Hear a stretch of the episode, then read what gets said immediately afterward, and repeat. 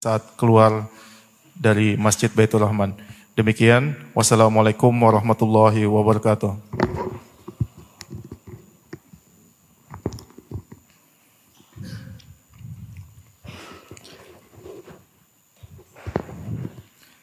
Bismillahirrahmanirrahim. Assalamualaikum warahmatullahi wabarakatuh.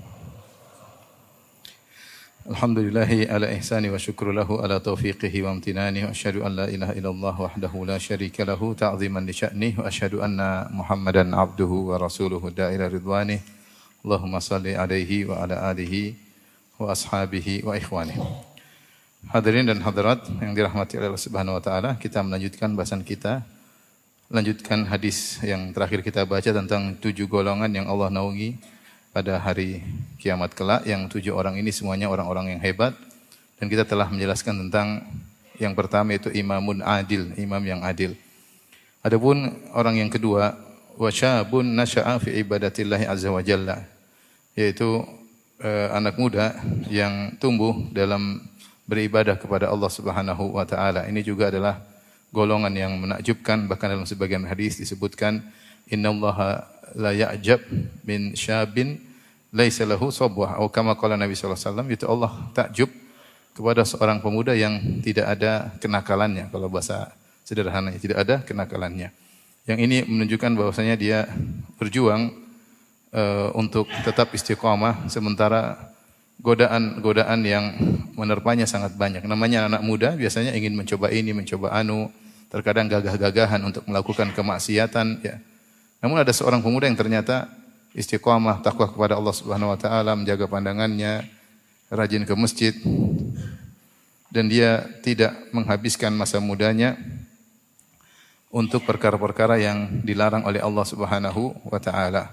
Sehingga sejak muda dia bertakwa kepada Allah Subhanahu wa taala. Oleh karenanya masa muda adalah masa yang sangat istimewa, masa keemasan sehingga ketika uh, Rasulullah sallallahu alaihi wasallam uh, menjelaskan tentang suatu hadis lan tazula qadama abdin hatta yus'al an arba. Bahwasanya pada hari kiamat kelak tidak akan bergeser dua kaki seorang hamba sehingga ditanya tentang empat perkara di antaranya an umri fi ma'afnah tentang umurnya ke mana dia habiskan.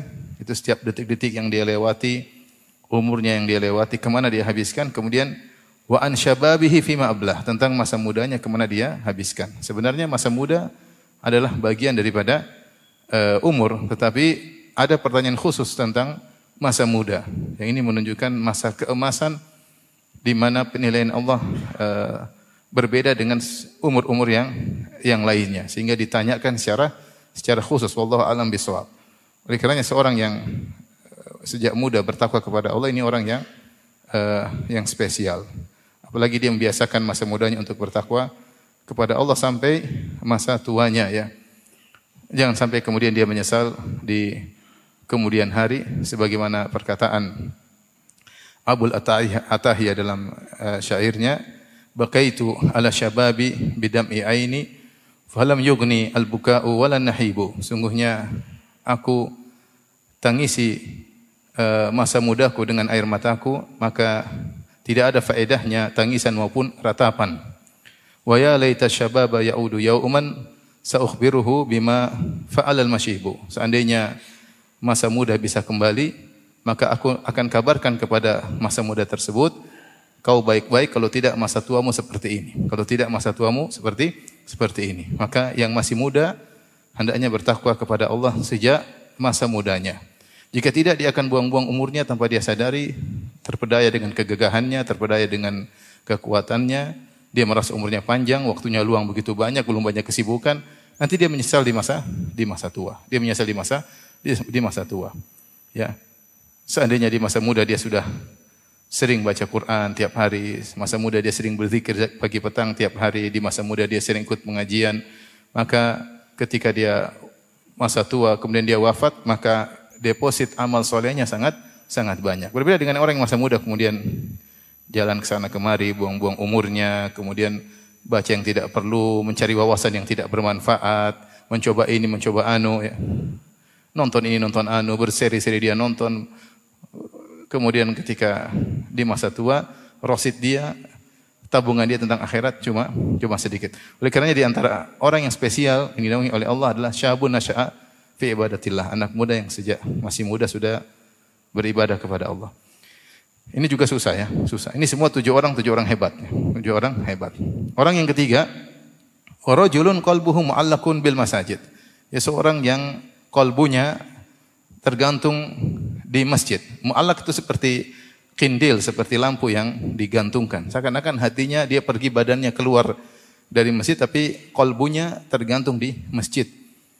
Tidak ke mana-mana. Ini menunjukkan bahwasanya dia menjalankan kewajibannya sebagai kepala rumah tangga, dia bekerja, namun dalam pekerjaannya hatinya selalu ingin rindu ke ke masjid ya. Dia ingin kapan azan berkumandang sehingga dia bisa pergi ke masjid ya.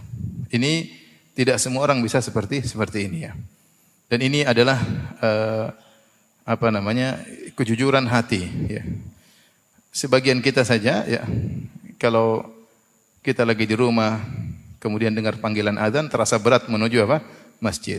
Kalau hujan kita bilang alhamdulillah, salat di di rumah. Artinya eh, kalau ada rukhsah boleh libur ke masjid mungkin kita pilih apa? Libur. Ini orang tidak. Dia kalau tidak ke masjid dia apa? Sedih seperti ada yang kurang dalam dalam ibadahnya. Jadi kesibukannya tidak menghalangi dia untuk untuk ke masjid. Inilah yang Allah puji di antaranya dalam surat An-Nur, rijalun la tulhihim tijaratun wala bai'un an dzikrillahi wa iqamis salati wa ita'iz zakah yakhafuna yauman tataqallabu fihi al-qulub wal absar. Para lelaki yang perdagangan mereka, transaksi mereka, jual beli mereka tidak membuat mereka lalai dari mengingat Allah, dari menegakkan salat, dari membayar zakat. Mereka takut dengan hari kiamat di mana pandangan mereka tidak stabil dan hati mereka tidak stabil. Karenanya kalau kita sedang beraktivitas kemudian dikumandangkan azan maka kita berusaha ke masjid dan itu yang kita tunggu-tunggu karena kita bekerja pun karena untuk bisa menjadi sarana agar kita bisa mendekatkan diri kita kepada Allah Subhanahu wa taala. Dan saya katakan ini hal yang tidak dibuat-buat. Benar-benar hati seorang rindu ingin ke masjid. Maka masing-masing kita bertanya pada diri kita, apa kita rindu ke masjid atau kita malas ke masjid. Kalau kita masih malas-malasan, masih berat, tidak apa kita tetap ke masjid, tapi kita belum masuk golongan ini. Ya, artinya kalau berat tetap ke masjid, tapi kita belum masuk golongan. Golongan ini berbeda. Hatinya rindu ke mana? Ke masjid.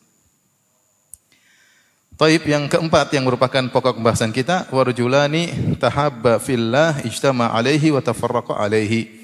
Dua orang yang saling mencintai karena Allah, mereka berkumpul karena Allah dan mereka berpisah karena Allah Subhanahu wa taala. Yaitu dua orang yang saling mencintai karena sama-sama beriman. Saya mencintainya karena dia beriman, karena dia uh, ngaji misalnya karena dia berjuang, karena dia berkorban jiwa dan hartanya untuk Allah Subhanahu wa taala, dia mengorbankan waktunya untuk Allah Subhanahu wa taala, maka saya mencintainya.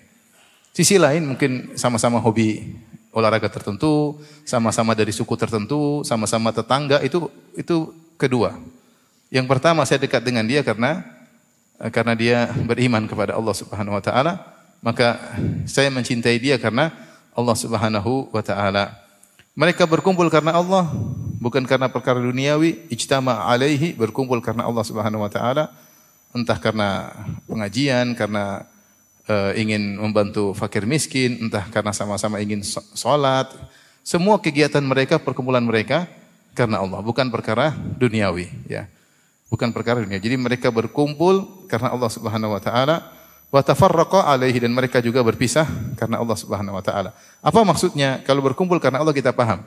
Apa maksudnya berpisah karena Allah Subhanahu wa taala? Ada beberapa pendapat di kalangan para ulama tentang makna berpisah karena Allah Subhanahu wa taala. Ada yang mengatakan mereka berpisah tetap dalam saling mengingat di antara mereka. Meskipun tubuh mereka jauh tapi mereka saling mengingat, saling mendoakan di antara mereka karena mereka berpisah dalam ketaatan kepada Allah Subhanahu wa taala. Ada yang mengatakan mereka terus bersahabat sampai meninggal dunia karena Allah Subhanahu wa taala. Ini pendapat. Pendapat lain mengatakan bahwasanya mereka berpisah karena Allah karena mereka harus berpisah. Mereka tidak mungkin ngobrol terus bareng, mereka tidak mungkin jagongan bareng terus. Ada saatnya mereka berpisah karena masing-masing harus beribadah kepada Allah Subhanahu wa taala. dia harus baca Quran sendiri, yang ini harus sholat malam. Kalau ngobrol terus, ketemu terus, kapan mau menjalankan ibadah kepada Allah Subhanahu wa taala, maka mereka pun berkumpul karena Allah dan mereka harus berpisah juga karena karena Allah karena masing-masing punya kesibukan sendiri yang harus mereka kerjakan atas perintah Allah Subhanahu wa taala, baik perkara wajib maupun perkara sunnah. Dan ini juga menunjukkan bahwasanya persahabatan karena Allah tidak boleh berlebih-lebihan. Jangan sampai seorang mencintai sahabatnya karena Allah kemudian menumbalkan yang lainnya. Ya, ini kadang-kadang terjadi pada ibu-ibu. Saling mencintai karena Allah tapi terus-terusan ketemu akhirnya suami terbengkalai, eh, anak-anak terbengkalai, suami-suami ter terlupakan ya. Ini, ini ini salah. Jangan sampai kita berteman karena Allah kemudian ada yang kita tumbalkan. Entah anak-anak kita, entah keluarga kita. Ya. Ketemu dengan teman, senang, sama-sama ngaji tapi ngobrol, terus tiap malam ngobrol, tiap hari ketemu, ini berlebihan ya. Ini berlebihan sehingga kalau seperti itu pasti ada hak yang lain yang ditumbalkan. Kalau sering ketemu terus tiap hari ngobrolin apa? Ngobrolin pengajian sudah selesai, mulai ngobrolin apa? Yang lain. Nah, kalau sudah ngobrolin yang lain, ini tidak terkontrol. Maka perlu ada berpisah karena Allah Subhanahu wa taala. Uh, oleh karena sebagian salaf mengatakan bahwasanya ada sebagian orang yang saya jarang ketemu tetapi saya lebih cinta kepada dia daripada yang sering saya temui. Dalam satu hadis diriwayatkan dari Nabi SAW, Nabi SAW berkata, Zur ghibban tazdad hubban. Kunjungi sesekali, maka akan semakin tambah rasa apa? Rasa cinta. Ini isyarat tafsir ini, wa tafarraq alaihi, berpisah karena Allah menunjukkan bahwasanya ketika berteman karena Allah pun ada doabitnya, ada kaedah-kaedahnya. Intinya, jangan sampai kita berlebih-lebihan dalam berteman, sehingga selalu bersama dia, selalu bersama dia, akhirnya ada hal-hal yang ditumbalkan, ada hak-hak lain yang terbengkalai. Maka itu kesalahan. Kemudian makna juga watafarraqu alaih berpisah karena Allah Subhanahu wa taala. Maksudnya ketika kawannya melakukan kesalahan, terjerumus dalam kemaksiatan, terjerumus dalam kebid'ahan, terjerumus dalam kemungkaran, maka dia nasihati. Kalau tidak bisa maka dia berpisah. Dia berpisah karena dia tidak ingin terjerumus dalam kemungkaran yang dilakukan oleh temannya. Maka dia mengatakan saya berpisah denganmu karena Allah Subhanahu wa taala. Ini tafsiran beberapa tafsir tentang wa tafarraqa alaihi berpisah karena Allah Subhanahu wa taala. Yang kelima, wa rajulun da'atum ra'atun dzatu husnin wa jamalin. Dalam riwayat dzatu mansabin wa mansibin wa jamalin. Seorang lelaki yang dirayu oleh seorang wanita yang cantik jelita dan kaya raya. Punya kedudukan. Faqala inni akhafullah. Maka dia berkata, aku takut kepada Allah Subhanahu wa taala. Ini juga adalah seorang yang sangat apa? Yang sangat hebat ya. Dirayu oleh seorang wanita bukan sembarang wanita, wanita cantik dan kaya raya. Saya rasa antum tidak pernah mengalami ini. Ya. Pernah ada cewek cantik kaya raya rayu antum? Antum modelnya kayak gini nggak ada. Maksudnya jarang. Emang ada mungkin satu dua ekor, tapi jarang. Kalau yang rayu nggak cantik banyak. Yang cantik tapi nggak kaya juga banyak. Tapi cantik, kaya, ngerayu, wah itu hampir nggak ada ya. ya. Kalau saya jangan tanya. tapi intinya ini sesuatu yang sangat berat. Ya. Kita tahu bahwasanya fitnah paling besar bagi lelaki fitnah apa? Wanita. Rasulullah SAW mengatakan, Ma taraktu ba'di fitnatan adhara 'ala rijal minan nisa. Aku tidak pernah meninggalkan fitnah yang paling berbahaya bagi laki seperti fitnah wanita. Kata Nabi SAW, Wattaqud dunia, wattaqud nisa. Hati-hatilah kalian dengan dunia. Kemudian Rasulullah SAW khususkan, dan hati-hatilah kalian dengan wanita. Fa inna ma awwala fitnah, fa inna awwala fitnati bani Israel kanat fin nisa. Sungguhnya fitnah yang pertama kali menimpa Bani Israel adalah terkait dengan wanita. Kemudian berkembang dengan fitnah-fitnah yang yang lainnya. Oleh karenanya seorang waspada dengan uh, fitnah wanita, makanya Allah mengatakan wala taqrabu zina, jangan dekati zina, jangan dekati zina. Semua yang bisa mengarahkan kepada zina, yang menimbulkan syahwat yang tidak pada tempatnya, maka kita hindari. Yang bisa menimbulkan hasrat yang tidak pada tempatnya, kita hindari. Meskipun sulit kita hindari. Meskipun sulit. Makanya Rasulullah SAW dalam hadis mengatakan, kata kataballahu li ibni adam hadzahu minaz zina mudriku dzalik la mahalah. Kata Nabi SAW, Allah mencatat setiap anak Adam kecipratan zina pasti mengenainya dan dia tidak bisa menghindari. Artinya sarana-sarana zina. Kemudian Rasulullah SAW mengatakan al-ainani tazniyan wa zinahuma nazar. Dua mata berzina dan zina mata adalah memandang yang haram, memandang wanita yang tidak halal baginya, memandang hal yang bisa menimbulkan apa? syahwat. Wa uh, wa udhunani tazniyan wa zinahuma al-istima'. Bahwasanya dua telinga berzina dan zina dua telinga mendengar, mendengar nyanyian, mendengar suara wanita yang menggoda, mendengar lantunan-lantunan yang menimbulkan syahwat ya. Kemudian juga eh, kata-kata, mulut juga bisa berzina dengan rayuan-rayuan gombal, dengan kata-kata berbicara, dengan kata-kata orang bisa bersyahwat. Ketika dia chattingan dengan seorang wanita yang tidak halal baginya, situ ada kata-kata, ada eh, apa namanya, rayuan-rayuan, maka bisa menimbulkan apa? Syahwat. Demikian juga sentuhan juga menimbulkan syahwat sampai Rasulullah SAW mengatakan wal farju yukadzibu dzalik au yusaddiquhu maka kemaluannya meneruskan semuanya sehingga terjadi yusaddiqu dzalik. Akhirnya terjadi zina au yukadzibu atau tidak jadi. Atau tidak jadi. Ujungnya adalah kemaluannya.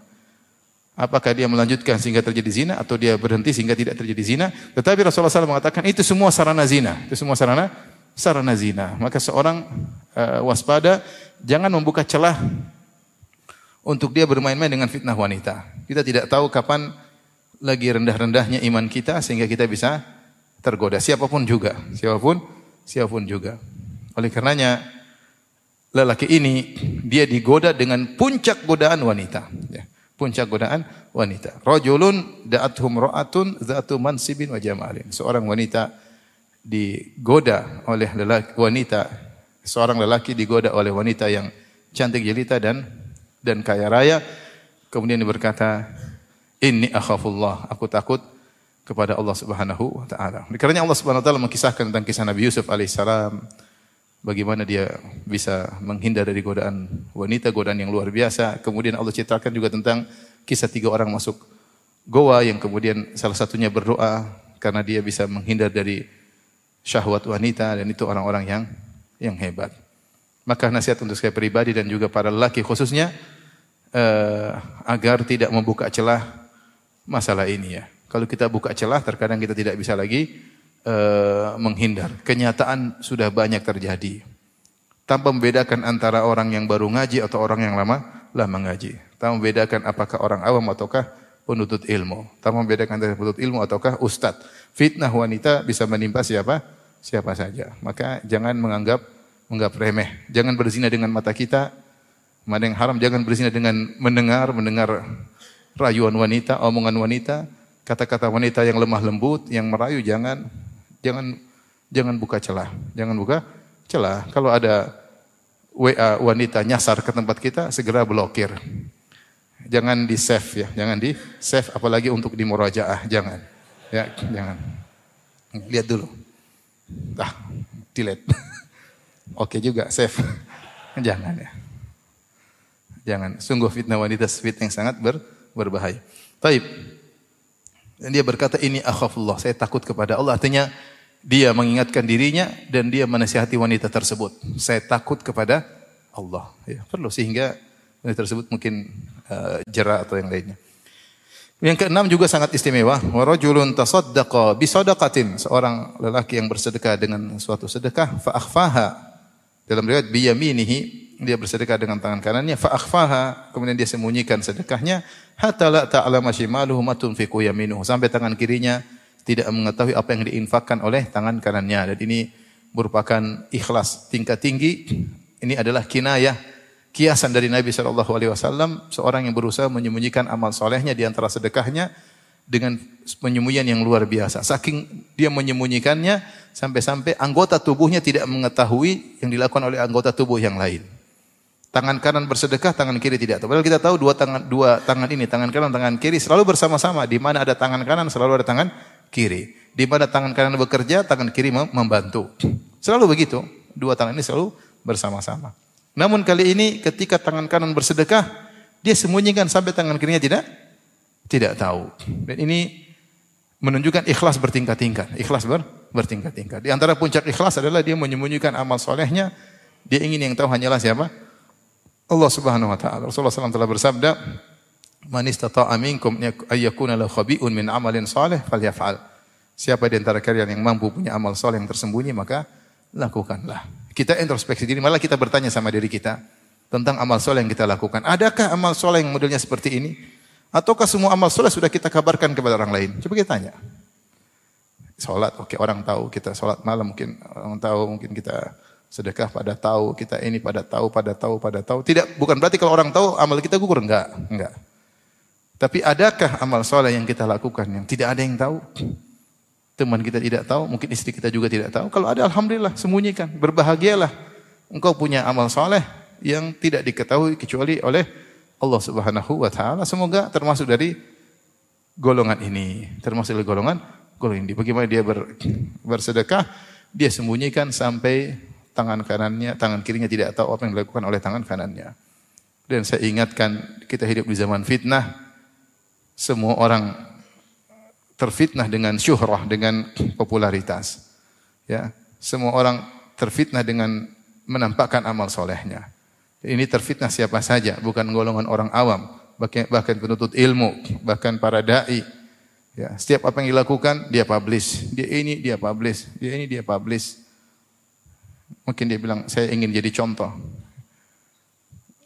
Contoh bisa dengan kita, tidak harus kita publish diri kita, kita bisa bicara atau kita bisa contohkan para ulama yang sudah meninggal dunia, ya.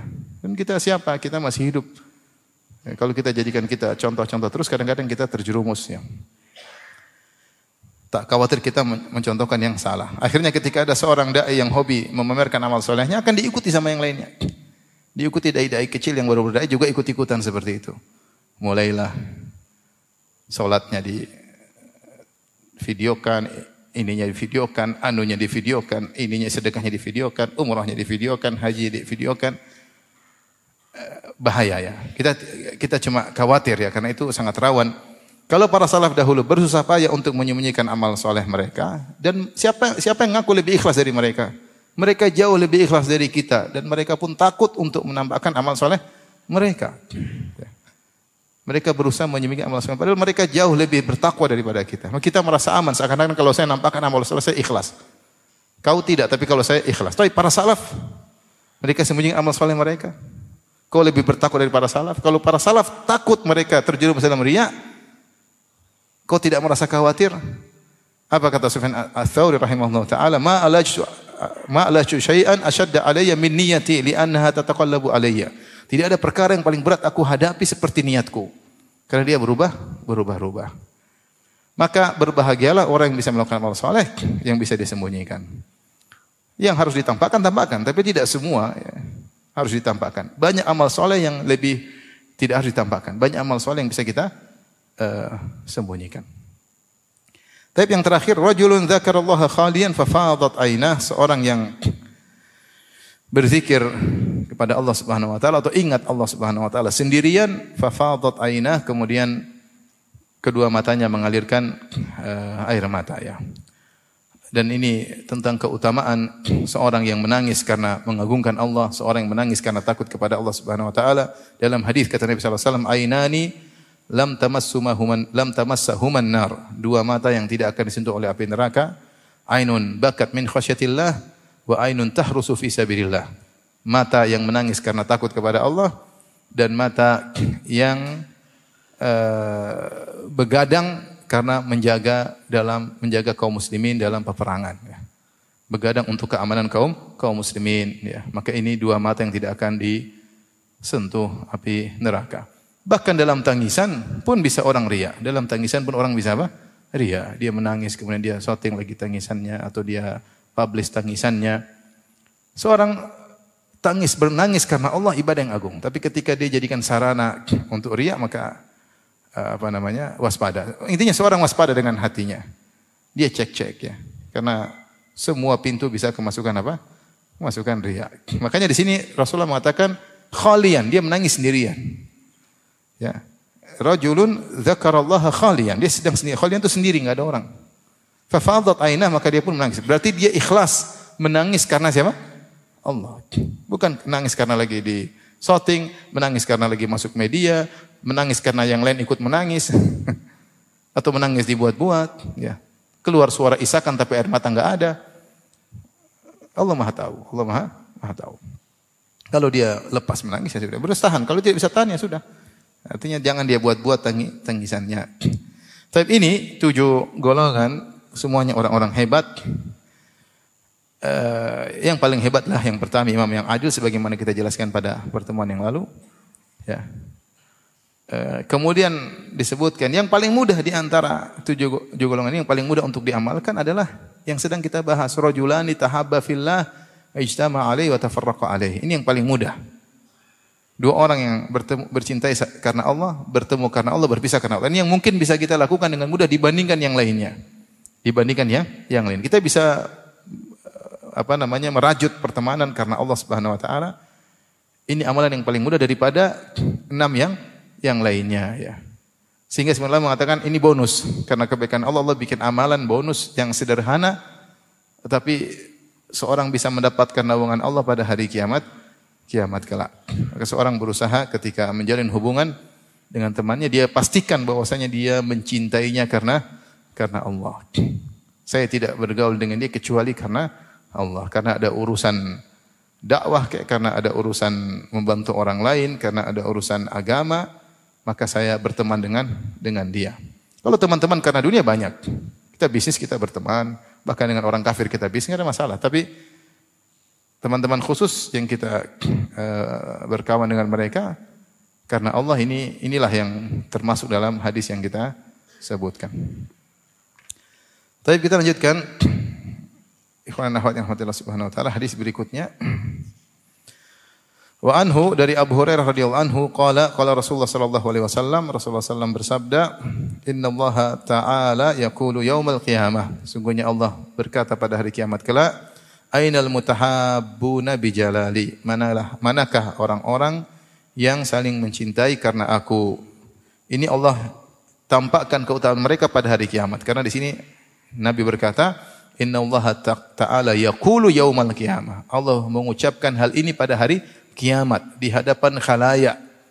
Allah mencari orang-orang saling mencintai karena Allah. Allah berkata, Ainal mutahabbuna bijalali.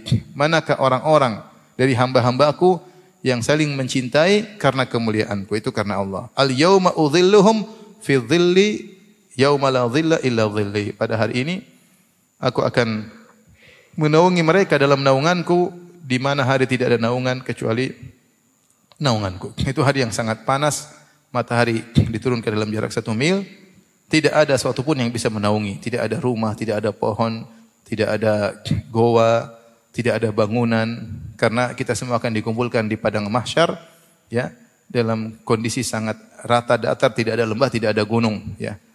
Uh, kata Allah wa yas'alunaka 'anil jibal faqul yansifuha rabbi nasfa fayadharuha qa'an safsafa la tara fiha iwaja wala amta. Mereka bertanya kepadamu tentang gunung-gunung katakanlah Allah akan menghancurkannya dengan sehancur-hancurnya sehingga uh, kau tidak akan melihat ada gunung dan kau tidak akan melihat ada ada lembah ya Semuanya datar. Dalam hadis kata Rasulullah SAW kita dibangkitkan pada suatu dataran yang kata Nabi la ma'lama fiha li ahad. Tidak ada tanda-tanda apa pun milik seseorang. Itu tidak ada pelang rumah milik orang, pohon milik orang lain. Tidak ada tanda apa pun, semuanya datar. Nah kalau semuanya datar, kita nggak bisa sembunyi. Oh sembunyi di mana? Tidak ada naungan yang menaungi kita dan materi jarak satu satu mil. Di hari yang sangat dahsyat tersebut, maka Allah menaungi dengan naungan eh, untuk hamba-hambanya. Yaitu ada yang mengatakan Allah ciptakan suatu naungan yang menaungi mereka, ada yang mengatakan Allah berikan naungan arsh kepada eh, kepada mereka. Intinya mereka dinaungi oleh Allah Subhanahu wa taala sehingga mereka teduh ketika hari itu di mana orang-orang dalam kondisi kepayahan.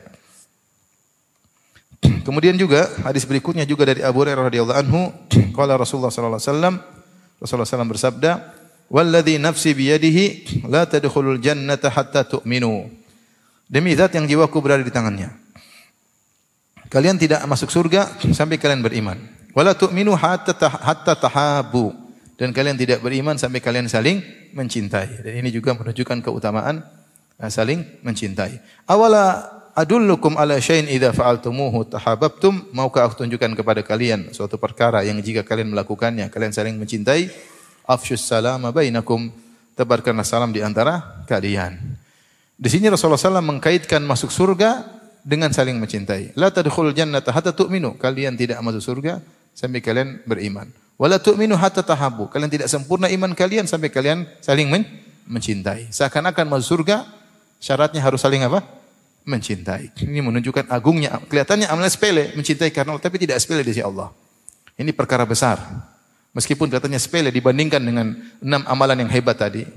Tapi ini pahalanya besar. Allah mau kasih pahala terserah. Ibadah apa Allah mau kasih pasang pahala besar terserah Allah Subhanahu wa taala.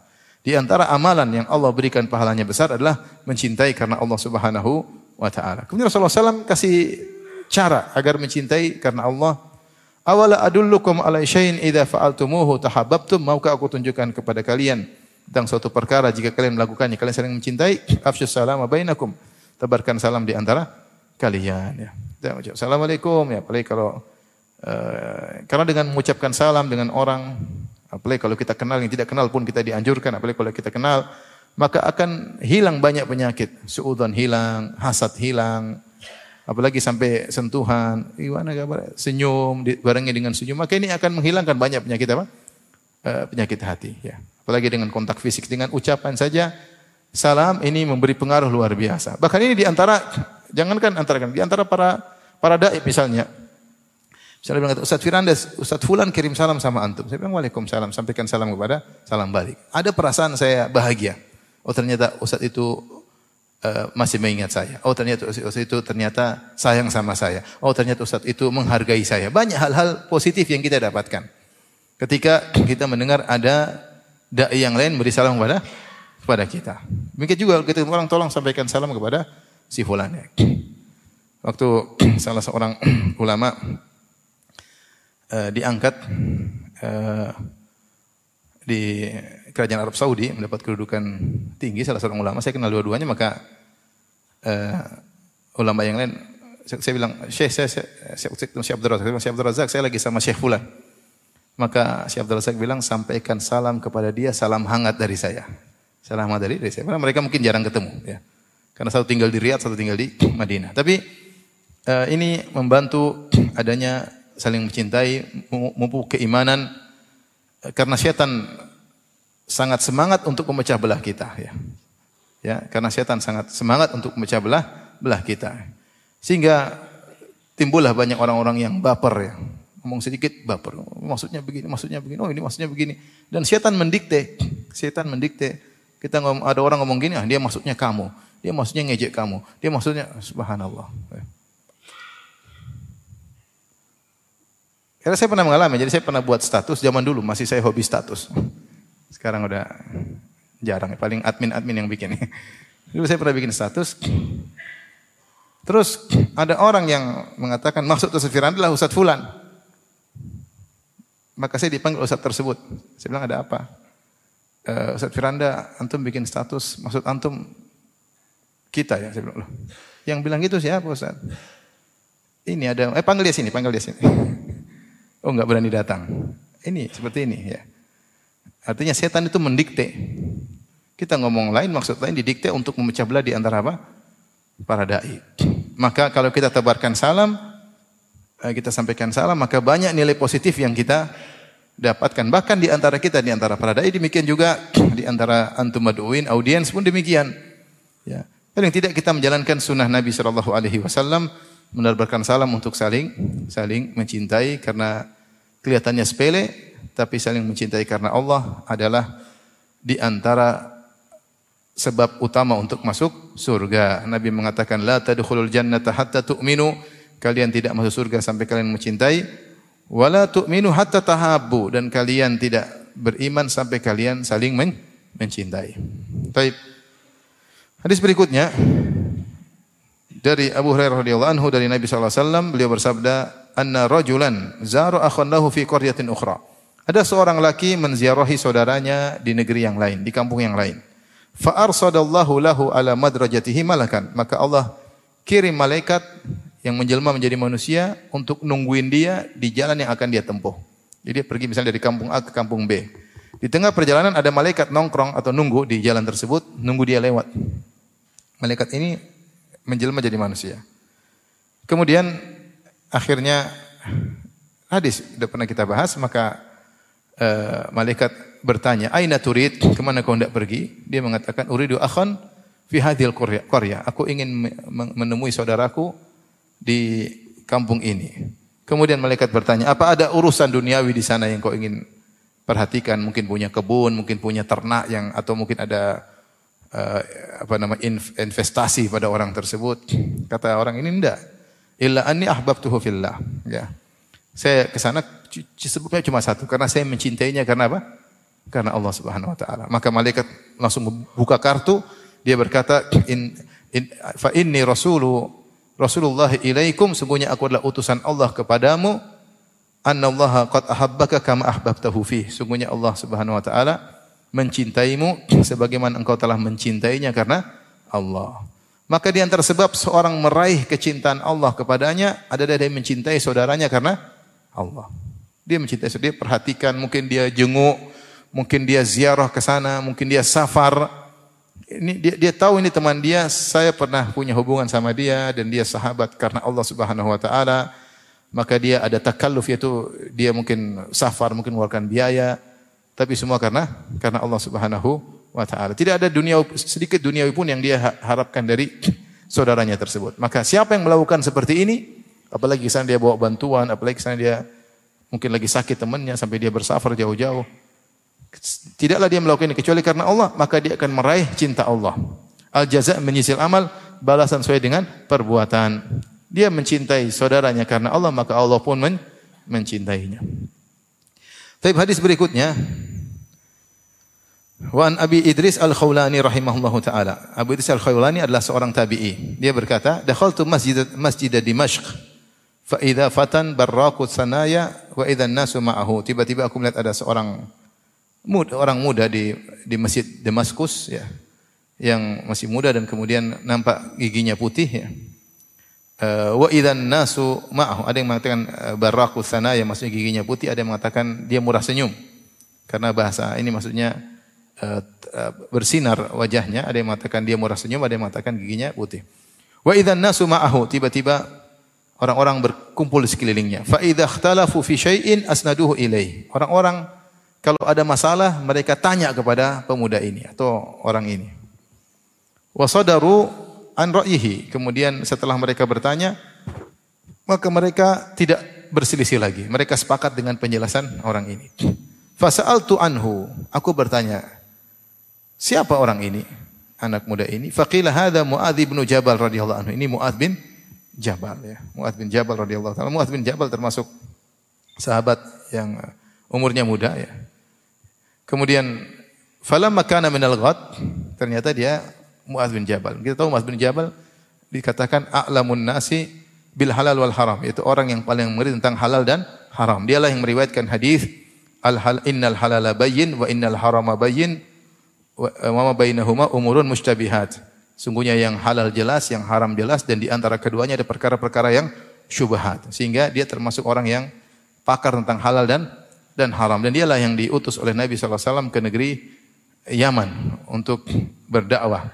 Makanya ketika mereka ada berselisih, mereka datang kepada dia, dia orang alim. Kalau ada perselisihan dia jelaskan selesai. Setiap ada perselisihan dia jelaskan selesai. Ternyata dia Mu'adz bin Jabal. Falamma kana minal ghad hajjartu. Maka ketika esok hari aku segera datang ke masjid. Aku ingin datang sebelum dia datang. Sebelum Mu'adz bin Jabal apa? Datang.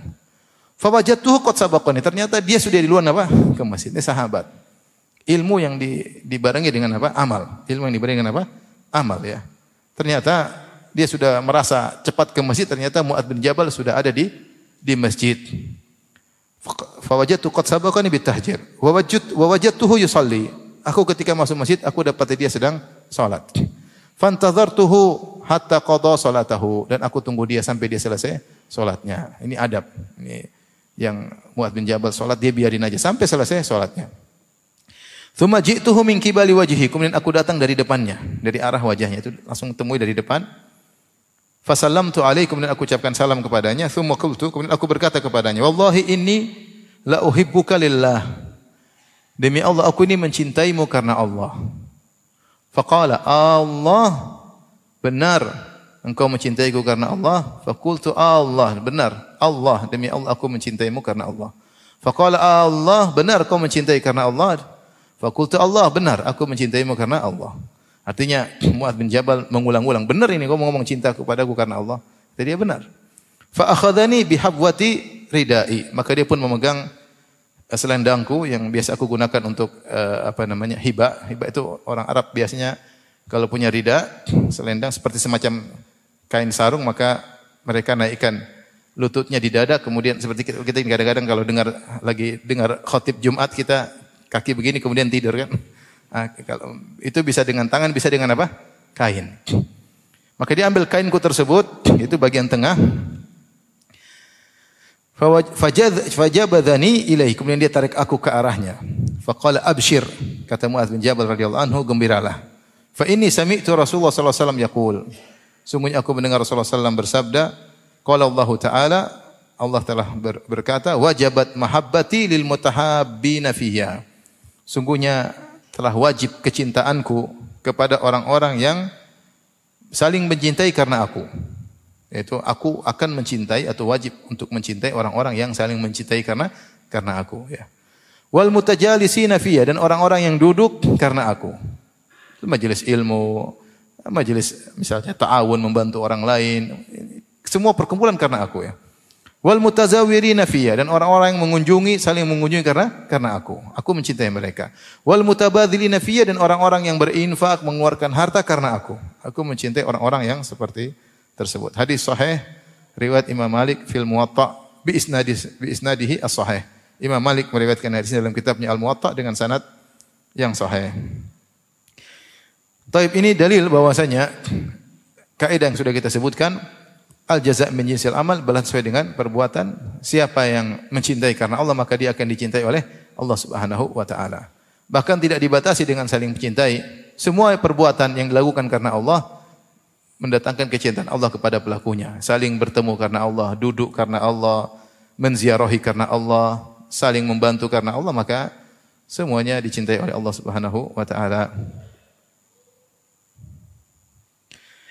Kemudian hadis berikutnya an Abi Karimah Al-Miqdad bin Ma'di Karib radhiyallahu anhu anin Nabi sallallahu alaihi wasallam qala Nabi sallallahu alaihi wasallam bersabda, "Idza ahabba ar-rajulu akhahu," jika seorang mencintai saudaranya, fal yukhbirhu annahu yuhibbuhu, maka berilah kabar kepadanya bahwasanya dia mencintainya. Ruh Abu Daud wa Tirmidzi wa qala haditsun hasanun. Ini hadis riwayat Abu Daud dan Tirmidzi dan dia berkata hadis yang yang hasan ya. Jadi di antara sunnah jika seorang mencintai orang lain karena Allah, maka tidak mengapa dia kabarkan ya. Aku mencintaimu karena Allah ya. Tapi ini bukan obralan ya. Bukan kata-kata apa? Obralan. Dia benar cinta sama temannya karena Allah dan dia lihat ada pertemuan di antara mereka, mulai ada relasi khusus, maka dia kabarkan aku mencintaimu karena Allah ya. Supaya semakin tambah cinta di antara mereka, dan hilang misalnya ada dugaan-dugaan yang tidak baik dalam diri mereka suudzon suudzon maka dianjurkan untuk mengucapkan hal ini supaya memupuk kecintaan di antara di antara uh, di antara mereka. Tapi saya katakan ini bukan omongan obralan ya. Ini tujuannya ada, tujuannya agar semakin memupuk rasa cinta, persahabatan karena Allah Subhanahu wa taala dan menghilangkan dugaan-dugaan yang buruk. Kita bilang saya cinta kepadamu karena Allah Subhanahu wa taala. Dan kalau dia ucapkan dengan jujur. Bukan dia ucapkan begitu karena apa? Dunia dibalik pertemanan tersebut. Benar-benar dia mencintainya karena Allah Subhanahu wa taala. Allah menjadi saksi atas perkataannya tersebut.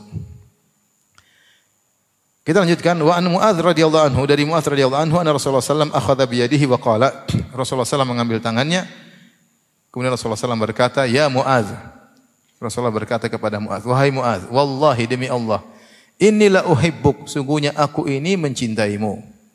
Subhanallah. Rasulullah bilang kepada siapa Mu'ad bin Jabal. Yang menyatakan bukan Mu'ad kepada Nabi. Jelas Mu'ad cinta kepada Nabi.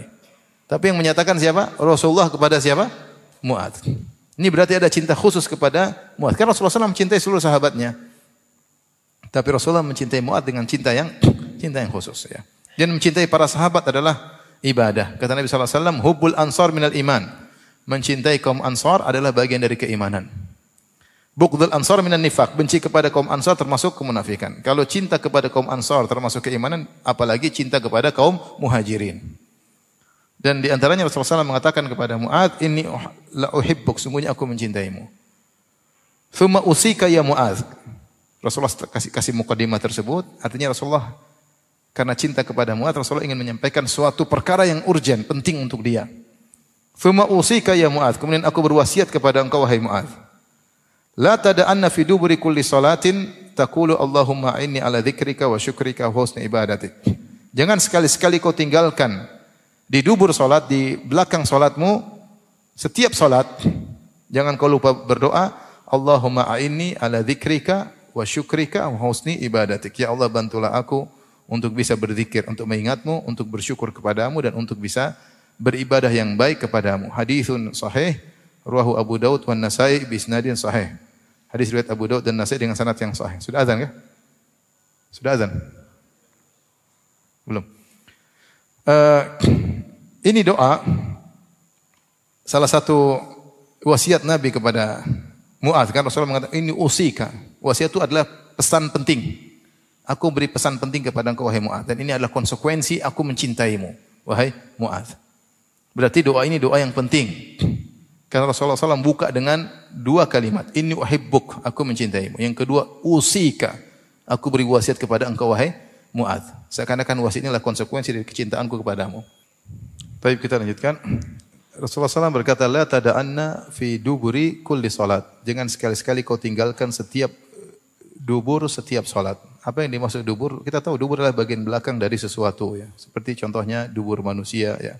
Adalah bagian belakang dari manusia tersebut uh, intinya jangan kau tinggalkan di penghujung salatmu. Nah, dubur di sini ada kata dubur ini ada di belakang ya di belakang salatmu.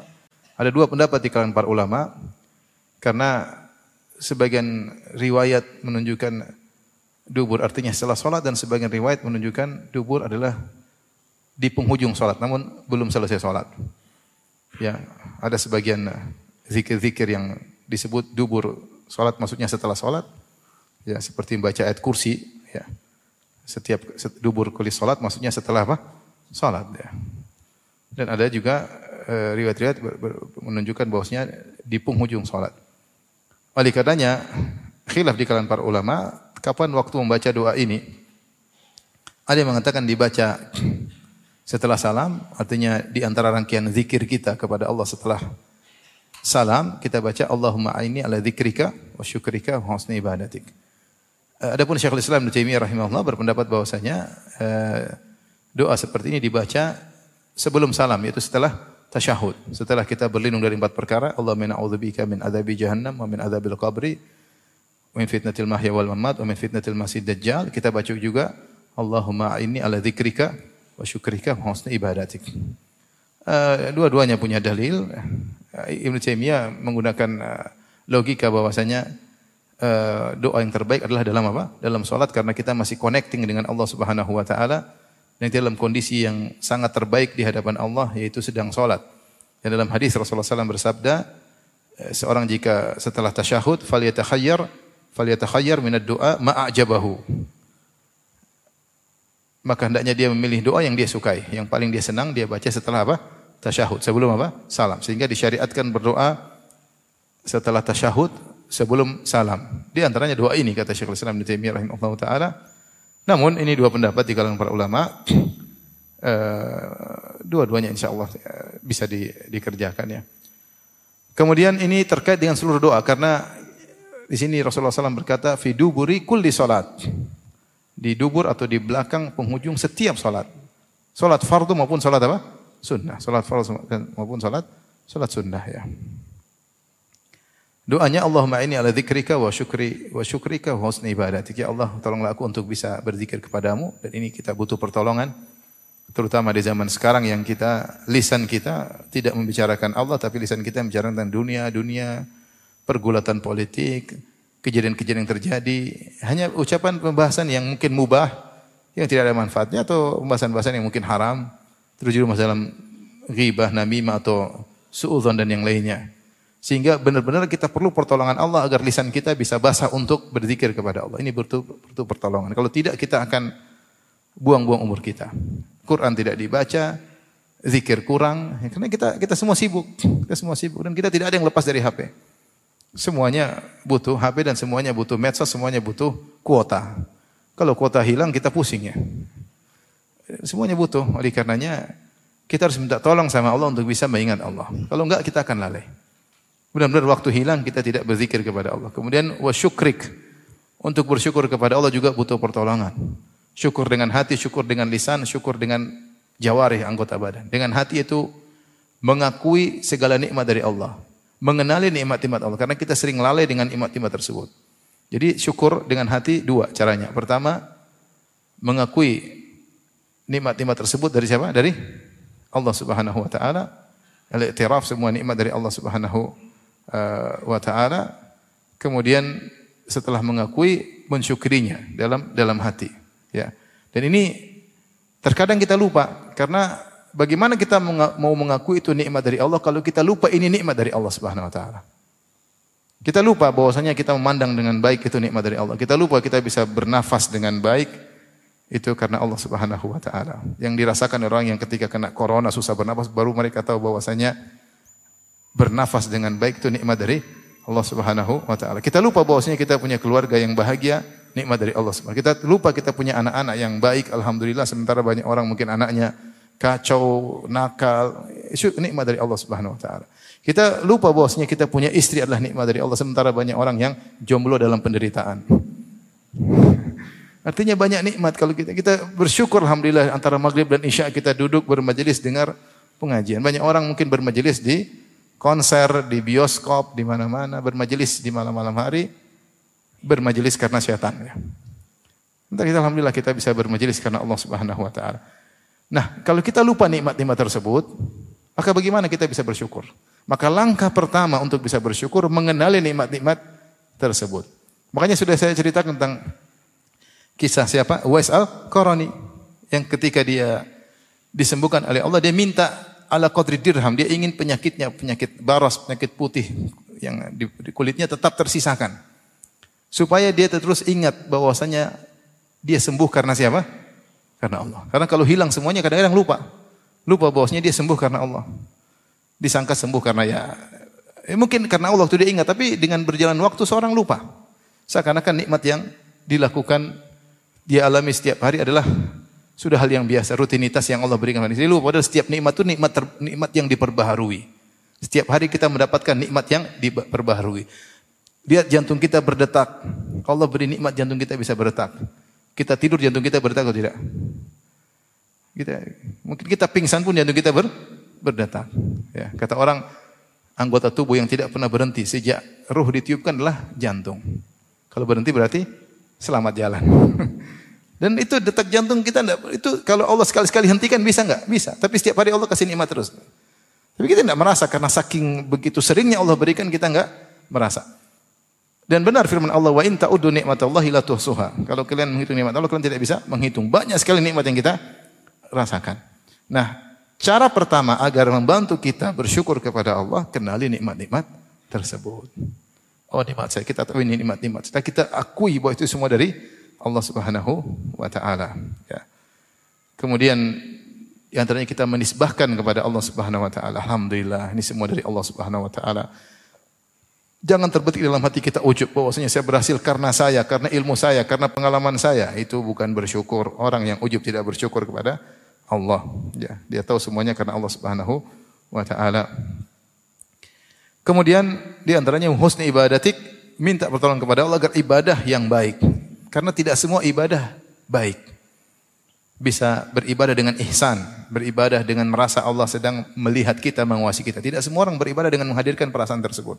Untuk bisa sampai derajat kita beribadah dengan ibadah yang benar, di antaranya menghadirkan derajat ihsan, Allah sedang melihat kita, tidak semua orang bisa. Itu butuh pertolongan dari Allah Subhanahu wa taala. Sehingga kalau kita beribadah salat-salat yang benar, kalau kita berzakat berzakat yang benar, kalau kita puasa-puasa yang benar, kalau umrah-umrah yang benar, kalau haji-haji yang benar, kalau ngaji-ngaji yang benar. Ini butuh pertolongan dari Allah Subhanahu wa taala. Inti dari hadis ini Rasulullah SAW mengutarakan kepada Muaz, ini uhibbuk, sungguhnya aku mencintaimu. Dan tidak mengapa seorang mengutarakan kepada kawannya, aku mencintaimu karena Allah Subhanahu wa taala. Hadis terakhir, biar kita pindah ke bab lain nanti. Wa Anas radhiyallahu anhu anna rajulan kana inda Nabi sallallahu alaihi wasallam. Dari Anas radhiyallahu anhu ada seorang lelaki di sisi Nabi sallallahu alaihi wasallam, famarra rajulun bihi, tiba-tiba ada orang lelaki lewat. Faqala maka yang di samping Nabi berkata, "Ya Rasulullah, inilah uhibbu hadza. Ya Rasulullah, saya mencintai orang lewat tadi. Aku mencintai orang lewat tadi. Faqala lahu Nabi sallallahu alaihi wasallam, "A'lam tahu, kau sudah kabarkan kepada dia kau mencintainya karena Allah?" Qala la, belum ya Rasulullah. Kata Rasulullah SAW, "A'limhu, kasih tahu dia bahwa kau mencintainya karena Allah." Falahiqahu, maka dia nyusul orang tersebut. Faqala inni uhibbuka fillah. Sungguhnya aku mencintaimu karena Allah. Dia kejar, dia berkata, "Saya mencintaimu karena Allah." Faqala orang itu menjawab, "Ahabbaka ahabbaka alladhi ahbabtani lahu." Semoga zat yang kau mencintaiku karena itu karena Allah juga men mencintaimu. Rawahu Abu Dawud bi isnadin sahih. Hadis riwayat Abu Dawud dengan sanad yang sahih. Ini hadis menjelaskan tentang adab ketika orang yang mengatakan kepada Anda, "Inni uhibbuka fillah," aku mencintaimu karena Allah, maka kita jawab, "Ahabbakallahu alladhi ahbabtani fih." Semoga Allah mencintaimu juga yang karena engkau telah mencintaiku karena karena Allah Subhanahu wa taala. Dengan demikian kita selesai dari bab tentang keutamaan mencintai karena Allah Subhanahu wa taala. Wallahu alam bisawab demikian saja insyaallah kita lanjutkan pada kesempatan yang lain. Subhanakallah bihamdik asyhadu an la ilaha illa anta astaghfiruka wa atubu ilaik. Assalamualaikum warahmatullahi wabarakatuh.